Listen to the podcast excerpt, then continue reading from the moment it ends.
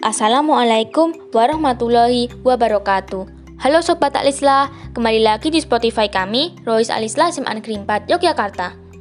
Sobat Alisla, tahu tidak kenapa kita harus sholat tepat waktu?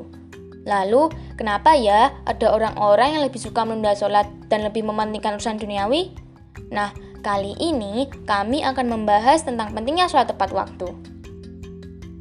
Kita sudah tahu bahwa mengerjakan sholat bagi setiap muslim itu hukumnya wajib. Sedangkan mengerjakan sholat di awal waktu menunjukkan afdoliyah atau keutamaan.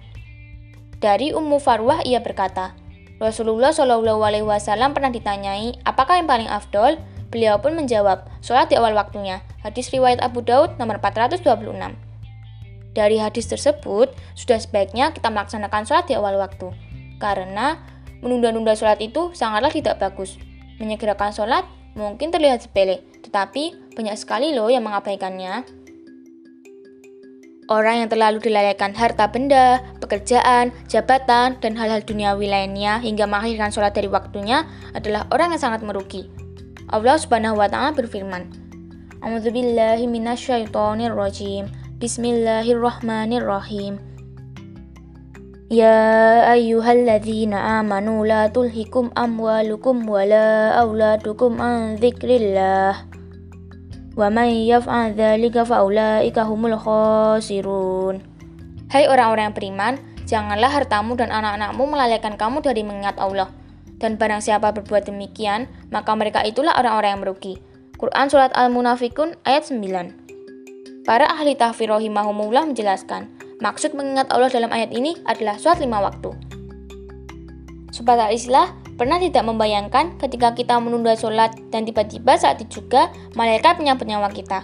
Nauzubillah min zalik, betapa mengerikannya jika hal itu terjadi. Semoga kita semua wafat dalam keadaan husnul khotimah. Amin.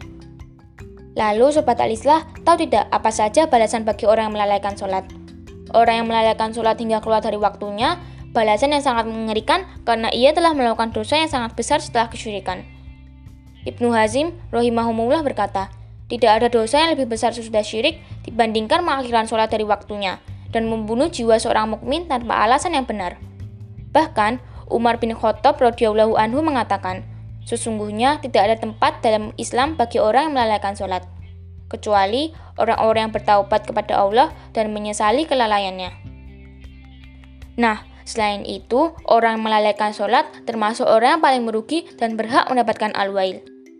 Adha bin Yasir rahimahumullah berkata, Al-Wail adalah sebuah lembah di neraka jahanam yang andaikan gunung dilemparkan ke dalamnya, niscaya akan hancur meleleh karena panasnya yang dahsyat. Astagfirullah, semoga Allah selalu memberi kita istiqomah dan semoga kita tidak termasuk orang-orang melelehkan sholat. Sobat Alislah, segitu dulu ya dari kami. Semoga bermanfaat. Jika kamu mempunyai saran atau masukan untuk podcast kami, kamu bisa kirim melalui DM Instagram kami di @roisalislah atau melalui email kami di roisalislah@gmail.com.